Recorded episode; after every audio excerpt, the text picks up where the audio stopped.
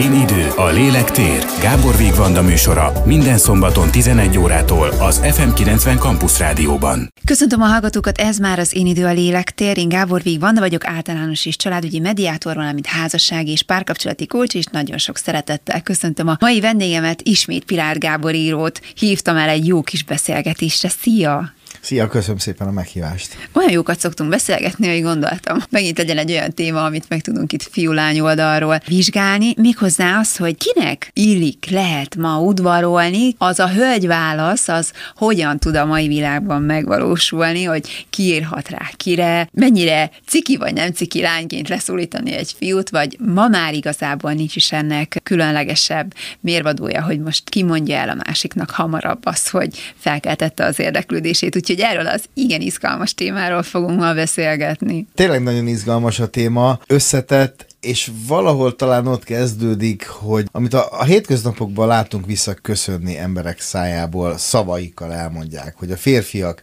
már nem férfiak, a nők nem nők. És én itt, én itt egy probléma gyökerét valahol itt látom.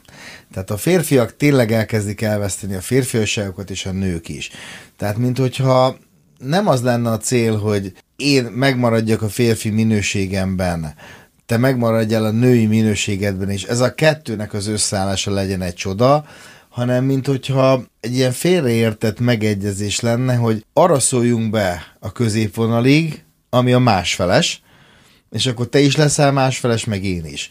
Tehát ilyen másfeles embereket látok. És ez nem jó, mert hogy a férfinak kéne udvarolni a nőnek nem fordítva. Tehát nagyon sok mindent pont fordítva csinálunk, mint ahogy egyébként azt kéne. Tehát a férfi az udvaron. Régen egyébként, hogy ez is mennyire szépen jelenik meg a magyar nyelvben, amikor valaki például kertel, az nem azt jelenti, hogy mellé beszél, meg hablatyol, hanem az azt jelentette, hogy amikor még csak a kertig mehetett be.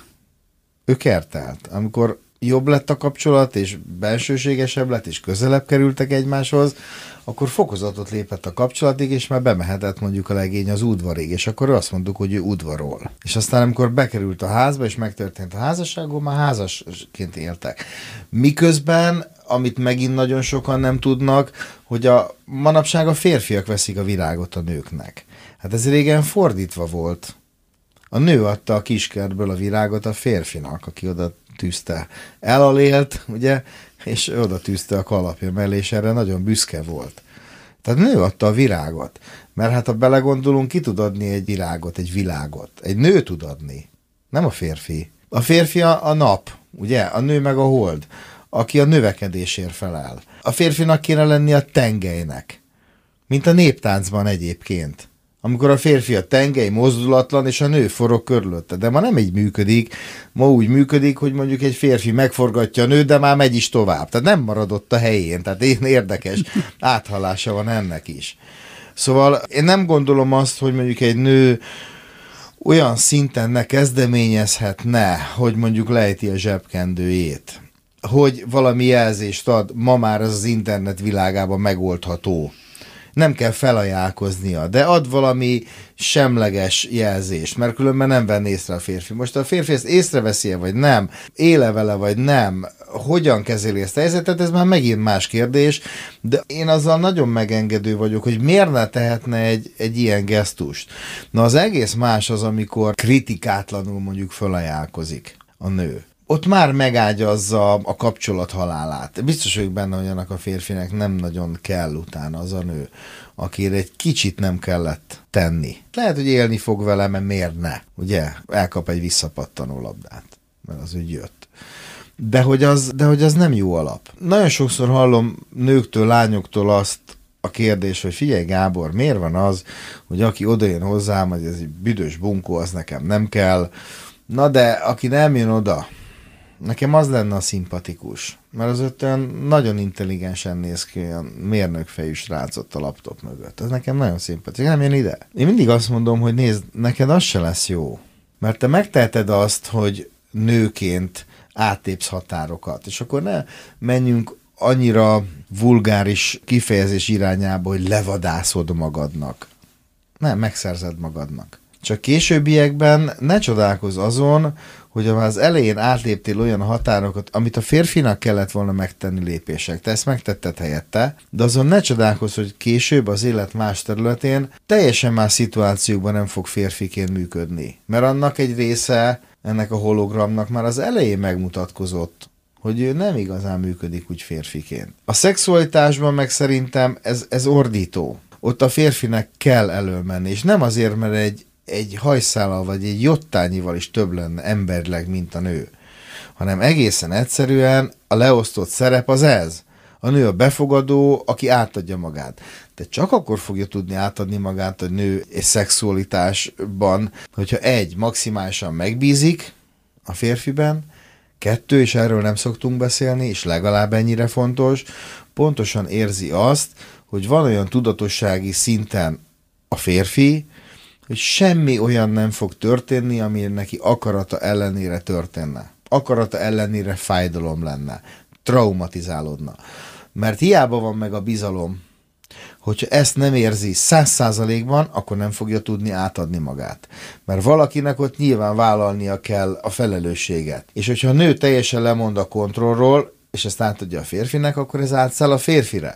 De az nem működik, hogy a férfi se vállalja. Tehát a férfiak ebből a szempontból én mindig azt mondom, hogy egy picit nehezebb helyzetben vannak, persze ezt csak most viccesen mondom, mert ő soha nem mondhat le egy ilyen együttlétben a teljes kontrollról. Nem mondhat le. A nő megteheti, ő nem teheti meg. Tehát vannak olyan dolgok, amit, aminek én azt gondolom, hogy ugyan meg lehet változtatni a sorrendjét, az irányát, és egy nő már az elején is nagyon intelligensen, kulturáltan megszerezhet magának egy palit, de a későbbiekben csak újra tudom mondani, azon nem kell csodálkozni, hogyha más területeken nem hozza azokat a talán jogos elvárásokat férfiként, hiszen az elején is megmutatkozott, hogy ő, ő nem ilyen. Említetted az előbb a semleges jelzéseket. Mik a semleges jelzések?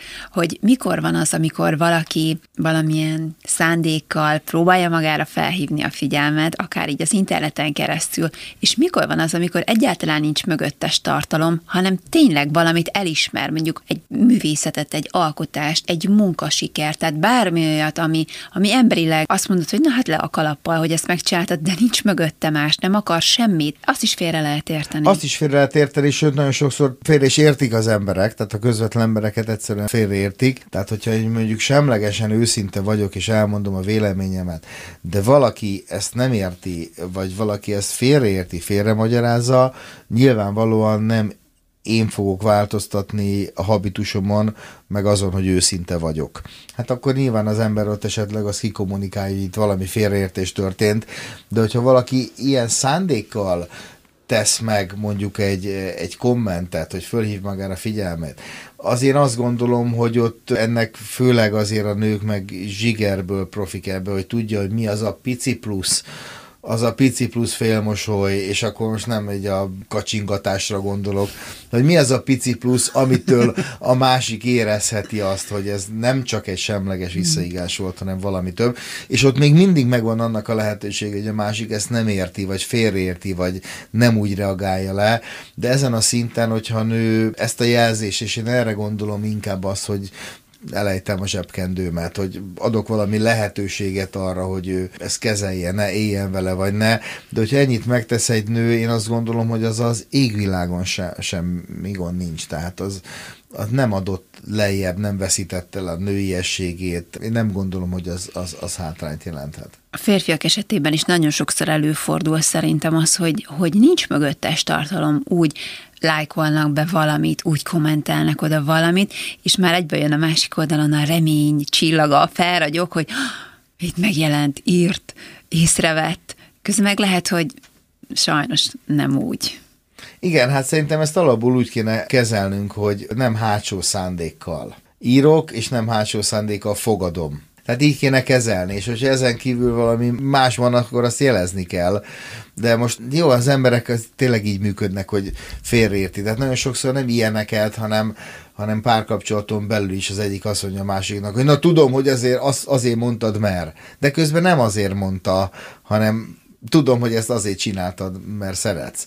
Ugye az átorvosi ló példám, amikor, amikor egy volt kollégám ment haza tíz napos tanfolyamtartás után, leroskadt a fotelba, és mondta a feleségének, aki egyébként vasalt, hogy szívem, én most nagyon elfáradtam.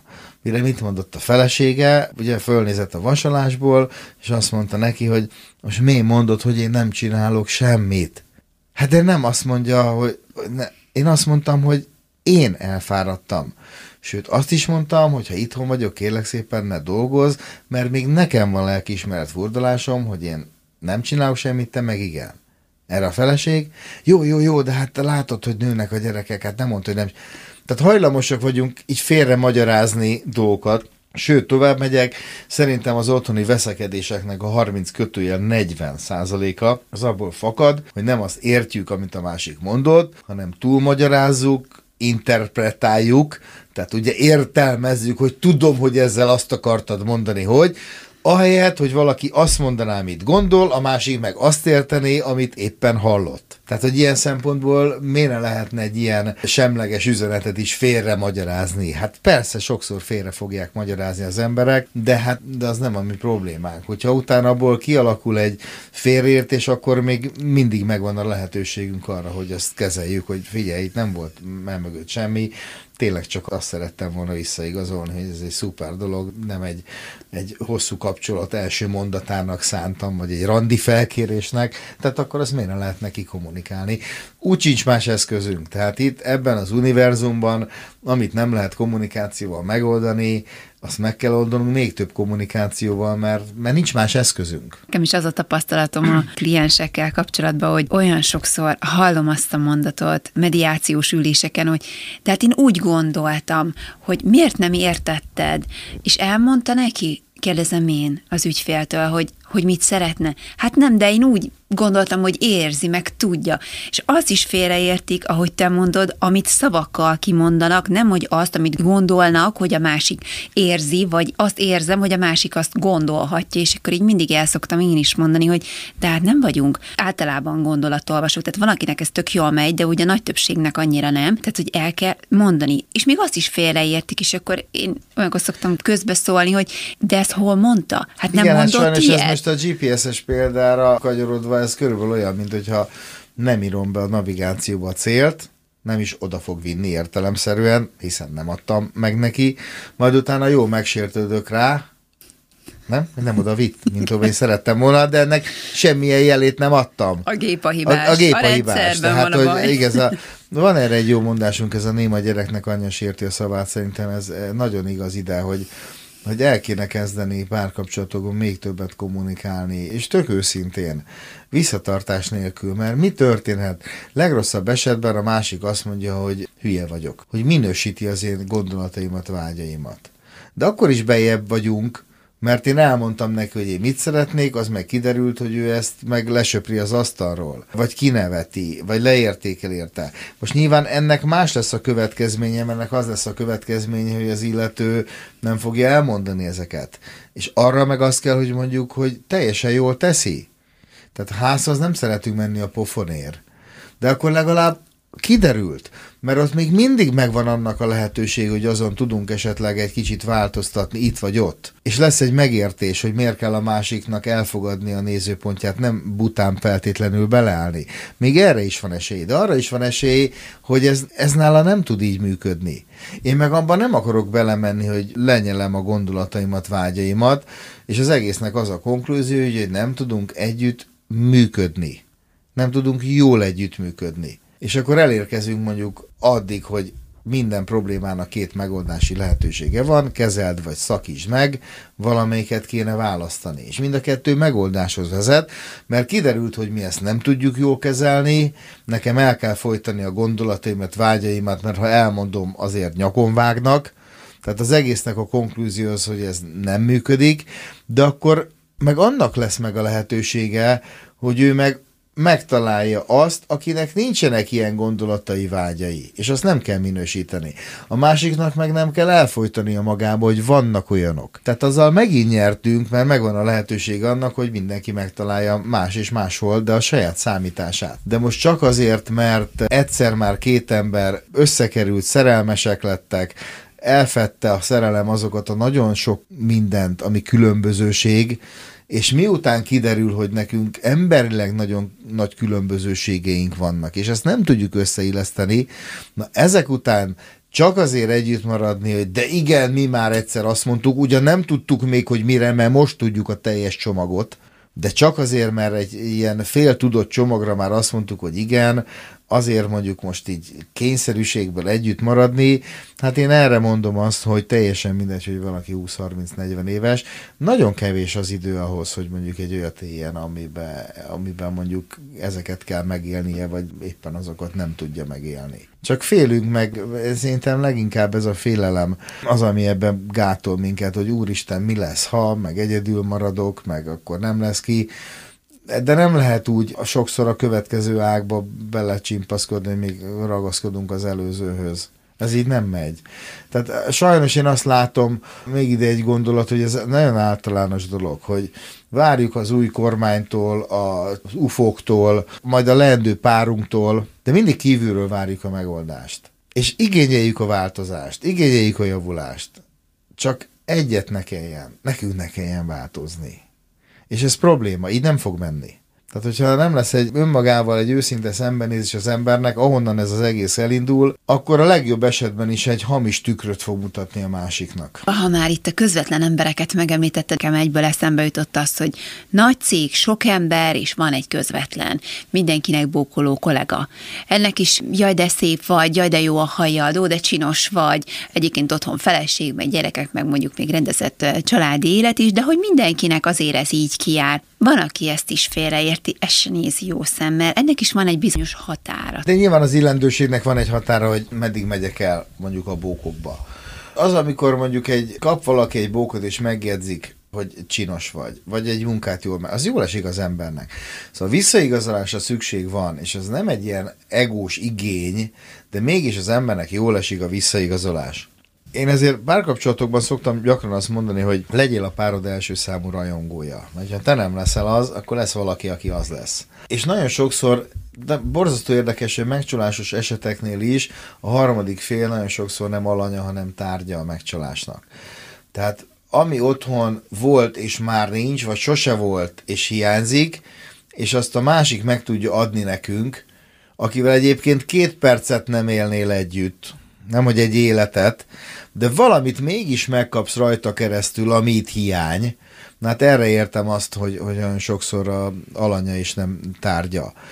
Szóval arra érdemes odafigyelni, hogy igen, másikat visszaigazolni. És nem azért, mert ő ebből táplálkozik, hanem azért, mert mindenkinek jól esik, amikor, amikor, amikor visszaigazolják. Sőt, nagyon nagy problémát lehet ezzel okozni gyerekeknél, hogy egyszerűen nem igazolják vissza. Jön a gyerek, ad rajzol, mert ő még ezt tudja adni, és nem igazolják vissza, hogy nagyon szép, gyönyörűt rajzolták, köszönöm szépen, hálás vagyok neked. Nem alakul ki ez a fajta csere a gyerekben. Tehát nagyon, nagyon sok mindent el tud csúszni, de felnőtt korban is az egy jogos, nem elvárás, hanem egy jogos jó érzés az, amikor visszaigazolnak. Na most, aki ezt túlzásba viszi, én azt gondolom, hogy ott egy jó közösségben előbb-utóbb tartanak neki egy tükröt, és elmondják neki. Régen ezek a falu közösségek is pont az azért működtek jól, mert ott igenis megmerték mondani egymásnak, hogy te figyelj, mostanában egy kicsit sokat jársz a kocsmába, szerintem ezt le kéne ezzel állnod. És a nőnek a hold megjelenítő, ami visszatükrözi a férfit, lenne egy ilyen feladata is, nem csak a, a növekedés és a növekedés táplása, hanem időnként azt a virágot vissza is kell metszeni, hogy az optimális növekedést érje el. És ezt nagyon sokszor tényleg nem merik megtenni a nők. Nem merik azt mondani, hogy ne csináld ezt, ne csináld azt. Mert már nyolc évet vártam rá, hát most elkezdek itt pöfögni, akkor eltűnik, mint szürke szamára ködbe. Pedig nem azzal teszi a jót, hogy nem igazolja vissza. Akár a jót, akár nem mutat tükröt annak, hogy most valami nem optimális dolog történt. Mert épeszű embernek egy, jól fog esni, a visszaigazolják, kettő, épeszű ember, amikor valamit idézőjelbe visszanyírják, és ott a nő mondjuk visszatükrözi, hogy ez nem jó irány, akkor az épeszű ember azt fogja mondani, hogy hálás vagyok neked, és nagyon köszönöm. Ezt én nem vettem észre és nem megsértődik rajta, meg a, összecsuklik, vagy a másik ellen fordul, hanem hálás a párjának azért, mert hogy egy párkapcsolatban legyünk őszinték, nem csak a boldogság számít, azért, mert mindenhol azt látjuk, hogy a boldogság, meg sok boldogságot, meg a boldog ifjú pár, hanem legalább ilyen hangsúlyjal ott kéne lennie a fejlődésnek, hogy tudunk egymásnak segítve fejlődni. Ennek ott kéne lennie. De ennek éssel kéne ott lennie, mert az, hogy most a boldogság, fejlődés vagy párkapcsolat, nincs vagy. Hát itt egy, azt kéne lassan megértenünk, hogy itt is-is van, meg és van.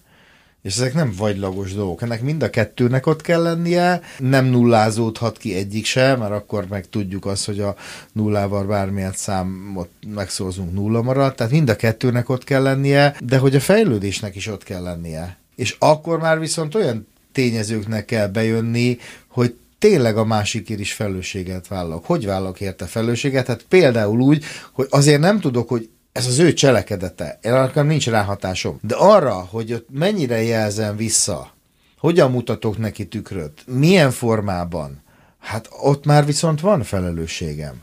Most nyilván itt is különbözőek a képességek, ugye van erre egy jó kis magyar mondás, hogy valakit úgy kell elküldeni, ugye, hogy szívesen menjen.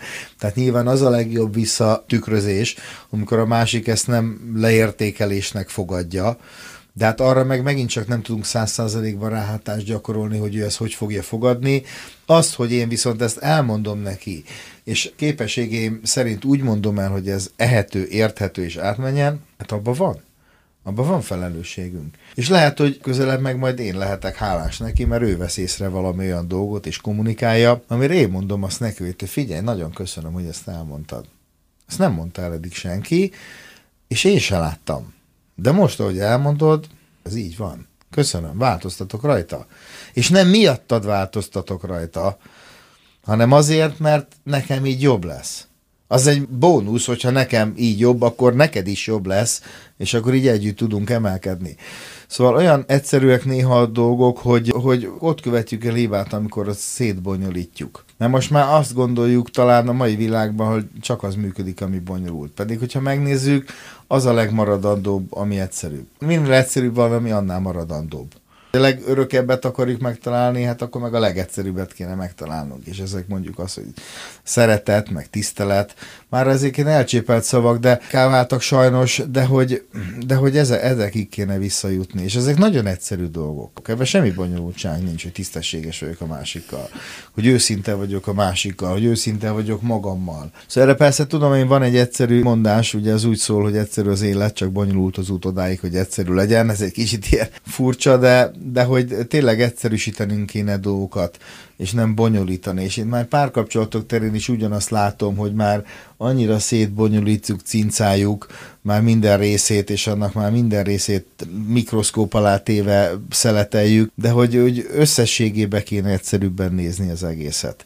Nem ilyen formában mert ez így nem, ez így nem fog működni. Szerintem az ember nem magából indul ki, és nem abból akar kiindulni, hogy önmagában ő egy teljes egész, és ezt megtalálja magában, utána bónuszként jöjjön az ellenkező nemű párja, akivel a másik csodát élik meg, de rossz alapanyagból nem lehet jó vacsorát főzni. Tehát szerintem ez lenne a legfontosabb, amit meg kéne értenünk, hogy amíg mi magunk nem vagyunk jó alapanyag, addig nem lesz jó alapanyag a, a kapcsolatunk se. És ezzel foglalkoznak a legkevésbé az emberek, hogy magukat rendbe rakják. Miközben milyen érdekes, hogyha mondjuk valaki fogad egy vendéget, akkor kitakarítja a lakást. Rendet rak. Pedig csak egy, egy távol ismerősét fogadta.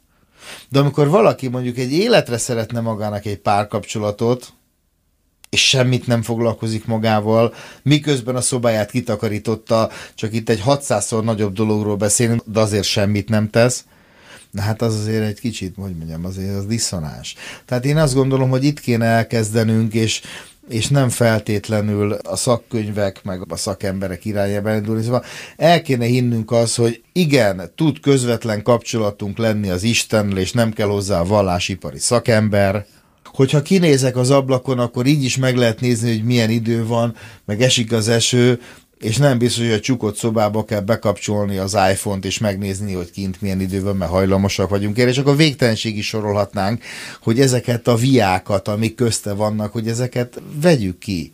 Mert tud az működni őszintén, egyszerűen. Most itt nem akarok én minden szakember ellen menni, de hogy, de hogy a közvetlen megtapasztalásokra kéne építenünk, és nem feltétlenül a, a közvetítőkre. Persze nagyon sokszor jó az, hogyha van meg valaki arra rámutat, de hogy, de hogy amikor a, ugye a tanítvány kérdezi a mestert, hogy mester, miért tanítasz engem, miért van szükségem rád, és a mester mondja, hogy nincs neked szükséged rám, de mondja, hogy mégis tanítasz, hogy igen, de csak addig, amíg végre föl nem fogod, hogy neked nincs szükségem rád, Szóval ez kéne egyik oldal a szakemberek oldaláról, ez kéne szerintem, hogy az, csak annyi segítséget adni, hogy utána el tudjon tűnni onnan, ne kelljen. Persze tudom, hogy sokkal jobb mondják erre, hát sokkal jobb, hogyha valaki mondjuk egy, nem tudom, mentálhigiénás embertől, vagy pszichológustól, vagy bármitől függ, mint hogyha az alkoholtól. Oké, okay, én ezt megértem. De én meg azt szeretném, hogy ne függjön ilyen szinten se tőlem senki. Én ezt mindenkinek elmondom párkapcsolati konzultációkon is, hogy lehetőség szerint minimálisra szeretném ezt venni. Minimálisra, hogy utána már ne kelljen. Mert én azt gondolom, a legnagyobb segítség az, amikor úgy tudunk valakinek segíteni, hogy utána már ne legyen szükség a mi segítségünkre. Ez a legnagyobb segítség. Mert az nem segítség, hogy én segítek neked, de ezzel a nyakadba vetted azt, hogy addig vagy jól, amíg én itt vagyok neked. Ez nem segítség. Ez tüneti kezelésnek tökéletes, tünetmentesé tudjuk tenni látszólag, aztán én eltűnök, és akkor vége a dalnak. Tehát nagyon érdekes, hogy, hogy ne a környezetem újjon. Buddhizmussal foglalkozók tudják azt, hogy kint azért külföldön vannak olyan ilyen asramok, olyan gyógyító asramok, ahol például nagyon jó százalékkal kezelik a cukorbetegséget. Hogy tökéletesen úgy tűnik, és ezért mondom, hogy tűnik, mert mint sokszor kiderül nem maradandó, hogy minden külső behatás nélkül működik a szervezet. Igen, addig, amíg haza nem jön mondjuk egy stresszes környezetbe. Mert ott megint visszajön minden korábbi. Tehát az igazi segítség az az, amikor nem csak egy adott helyen, vagy addig, amíg mi beszélünk, vagy kapcsolatban vagyunk, van jól a másik, hanem hogy onnantól kezdve. És egy kapcsolatban is szerintem csak, hogy ide, ide visszakössek, ez lenne, a, ez lenne a cél. Hogy segítünk egymásnak, de nem feltétlenül fizikailag, hanem a jelenlétünkkel, és attól inspirálódik a másik. Na az a legjobb kapcsolat, nem az, amikor én megoldjuk egymás problémáit. Hát oké, az még a segítő kapcsolat, de azért legyünk őszinték, van ennél egy magasabb is, amikor a jelenlétünkkel önmagában annyi energiát tudunk neki adni, hogy nem én miattam működik, hanem én hozzájárulok, hogy a saját energia rendszerét saját magát használva működjön. Így lehet közel elérni szerintem azt, hogy az ember mondjuk egy kapcsolatban nagyobb szabadságot él meg, mint egyedül. És csak így. Az összes többi az, én azt látom, hogy pillanatnyi megoldás. És hogyha nem jó az alap, akkor, akkor nem tudunk arra stabil jó házat építeni. Tehát az, az egész biztos. Akár mennyire jó a szakács, akár mennyire jó a recept, ha nem jó az alapanyag, nem lesz jó a kaja. Most az jutott eszembe, hogy ezért nagyon sokszor előfordul az, hogy, hogy nem is azért van szükség a másiknak a támogatására, hogy ő jól legyen, hanem a saját magunk lelke miatt van az, hogy támogatom a másikat. Rám milyen fontos vagyok, rám mekkora szükséged van rám, hogy velem együtt el tudsz valamit érni. És ez már nem a másikról szól, hanem rólam. Ez így van. Ahelyett, hogy csak adnánk. Mert a csere az egy nagyon jó dolog.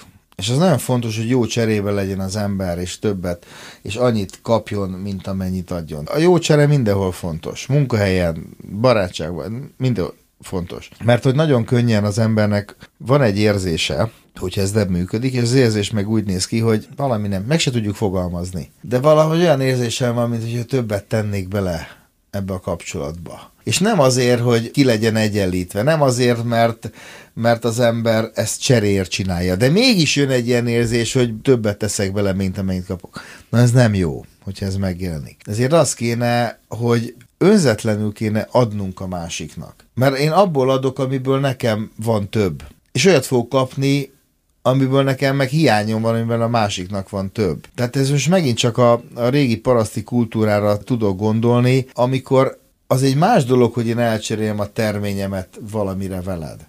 Mert az már egy csere. De az, amikor nekem valamiből több van, és én önzetlenül adok neked, amiből neked hiányod van, az nem az elvárás miatt, de az azt fogja eredményezni, hogy majd előbb-utóbb te adsz nekem olyat, ami neked fölösleg, egyébként nekem meg hiány. Mert ez így fog visszajönni. Tehát, hogy a karma törvényének van egy ilyen vonulata is, hogy én itt valakinek a rádiós stúdióba kimegyek, lekeverek egy nagy pofont, az továbbadja, továbbadja, aztán utána meg esetleg legközelebb meg tőled kapom a pofon, azt mondod, hogy Gábor, hát én nem erre a beszélgetésre számítottam. De hogyha ugyanezt mondjuk egy simogatással teszem meg, az is.